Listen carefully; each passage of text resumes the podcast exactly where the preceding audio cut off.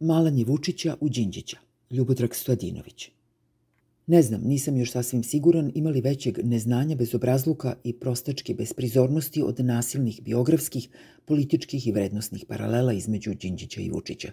To su dva sasvim različita sveta, neuporediva ni u čemu. To je neka vrsta odnosa između demokratije kao ideje pokošene atentatom i primitivnog kriminalnog autoritarizma, političkog gospodstva i pretencioznog huliganstva, altruizma i unutrašnjeg militarizma – blistavog uma i razornog bezumlja. To je bilo kakvim premošćavanjem nespojiv kanjon koji deli Đinđićevo obrazovanje od Vučićeve nedoučenosti, nesklad u poimanju lične harizme na jednoj strani i njene užasne negacije na drugoj. U pitanju je neuporedivost Đinđićevih dalekovidih ideja sa Vučićevim razrukim palanačkim ekspresijama i perverznom, ni na čemu zasnovanom narcisizmu. Neka ovo bude samo utisak na prvi pogled, koji i na tom nivou čini upoređivanje Zorana Đinđića i Aleksandra Vučića građanski nepristojnim, mada se suštinske razlike i nedostižna državnička prednost Đinđića može pojmiti bez mnogo napora, uprkos nastojanjima stvaralaca Gipsanog Vučićevog kulta da zataškaju njegov objektivni liliputanizam. Pre par dana pojavio se uradak u vidu udvoričkog pamfleta režimu sa centralnom tezom čiji je smisao nasilna analogija političkih sudbina najboljeg i beznačajnog.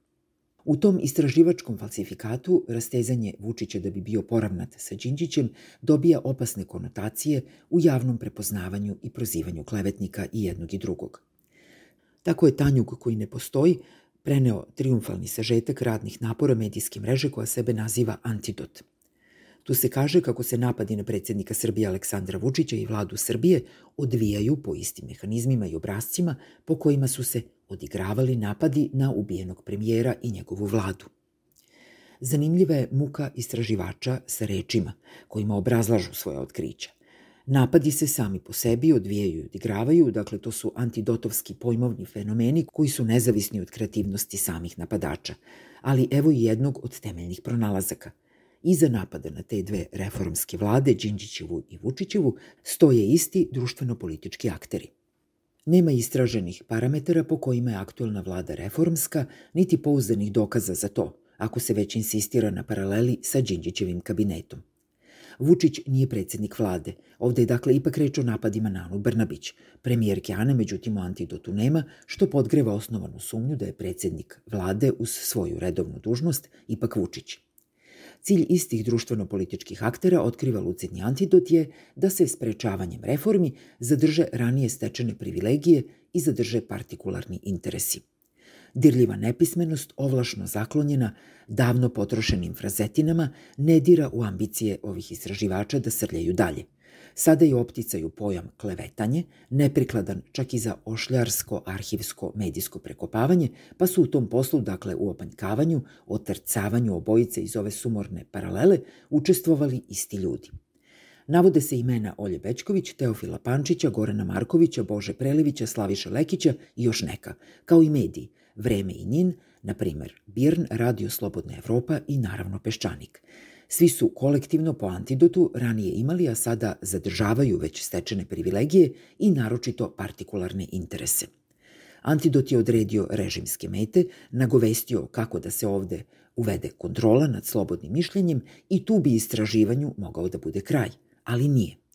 U zaključku se doslovce kaže – Nedavna otvorena pretnja poslanika sa Kim Slaviše Ristića predsedniku Vučiću samo potvrđuje da su pomenuti mehanizmi identični i da je mantra proći ćeš kao Đinđić pretnja svima u Srbiji da se okanu reformi i puta u Evropu jer ovde vlada pravilo ne talasaj brale, Srbija je ovo. Dakle, ne talasaj brale. Do te ključne mudrosti koju je prethodila Ristićeva ubilačka mantra, stiglo se uvidom u spiskove sumnjivih osoba, ranije poznatih antidotu i drugim nadležnim organima. Pa je tako i Teofilova pretnja svima da se okanu reformi puta u Evropu, deo mantre koja je ipak lično vlasništvo Slaviše Ristića. Šta tu uopšte radi Pančić sa Ristićem da mi je znati? Vidljivo je da medijski anonimni ljudi iz Antidota ne razumeju ulogu medija. Ako su, na primjer, Teofil Pančić i Slaviša Lekić pisali i negativno intonirane tekstove o Zoranu Đinđiću, da li bi njihova zanatska rehabilitacija u ovom sunovratu bila ostvarena tek sa ushićenim panegiricima u slavu Vučića, ili je ipak svaka vlast njihova tema i ona istinski demokratska, a posebno ova, koja pokazuje zastrašujući trend uništavanja svega što vredi u Srbiji. Istaknuto mesto u dokazivanju svojih nastranih teza antidot daje Velimiru Iliću, koji je navodno o obojici, dakle Đinđiću i Vučiću, dao skoro istovetne ocene, pa je 5. oktobra 2001. zaključio da je Zoran Đinđić doveo mafiju na vlast u Srbiji, a nešto slično rekao je i u Vučićevoj vlasti 19. jula 2017. Ne bih da sudim o validnosti Ilićevih stavova, ali postoje ubedljivi indikatori koje je antidot ignorisao. Đinđić je nasledio mafijašku državu i pokušao da je demontira, pa ga je ona ubila. Vučić je svoju kriminalnu korporaciju stvarao iznova, obnavljajući upravo ono čudovište i svoje mračne političke adolescencije sa kojim je Đinđić morao da se sukobi. Antidot insinuira da je Đinđić ubijen posle dugotrajne medijske pripreme, pa se, citirajući Slavišu Ristića, pribojava i tragične analogije – Na tom mestu je vidljiva ogromna istraživačka rupa jer se antidot nije bavio suštinom. U istoriji političkog atentata mediji nisu nikoga ubili radeći svoj posao. To čine isključivo moćne oligarhije sa ubicama za specijalne namene. Vučić je došao iz mrklog mraka koji je Đinđić pokušao da rastera. Vučić je bio ministar informisanja koji je gasio medije, a to čini i kao predsednik države, ujedno predsednik reformske vlade. Đinđića su ubili ostaci mafijaške države koji su stvorili Milošević, Šešelj, Nikolić i upravo Vučić svojom ksenofobičnom ministarskom revnošću. Taj njegov nagon nikada nije ugašen. Vučićevi politički oci javno su uživali u Đinđićevoj smrti i to još čine. Pretnja Nikolića Đinđiću par meseci pre ubistva za sve koji su zaboravili glasi ako neko sretne Đinđića neka mu slobodno kaže i Tito je pred smrt imao problema sa nogom. To je bilo u doba svečanog ispraćaja Šešelja u Hag, čiji je portret na majici ispod sakoa nosio Vučić. Pre nekoliko meseci Vučić je tražio amnestiju za Zvezdana Jovanovića, Đinđićevog ubicu i njegovo proglašenje za patriotu bez premca, srpskog obilića. Vučić je lično skidao table sa bulevara koji nosi ime Zorana Đinđića.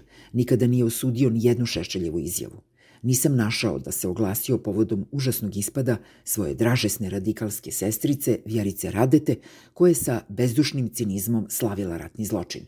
Antidot ništa od toga nije uspeo da uoči.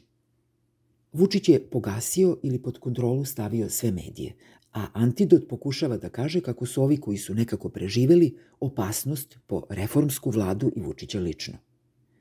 Antidot nam posredno preporučuje da slavimo Vučića, ako već nismo uspeli da sačuvamo Đinđića, ne brinući što se ovde ljudi ubijaju zbog svoje gladne dece, ignorišući državni teror nad siromasima, nasilje nad penzionerima, kriminalne odrede koji se zvanično zovu javni izvršitelji.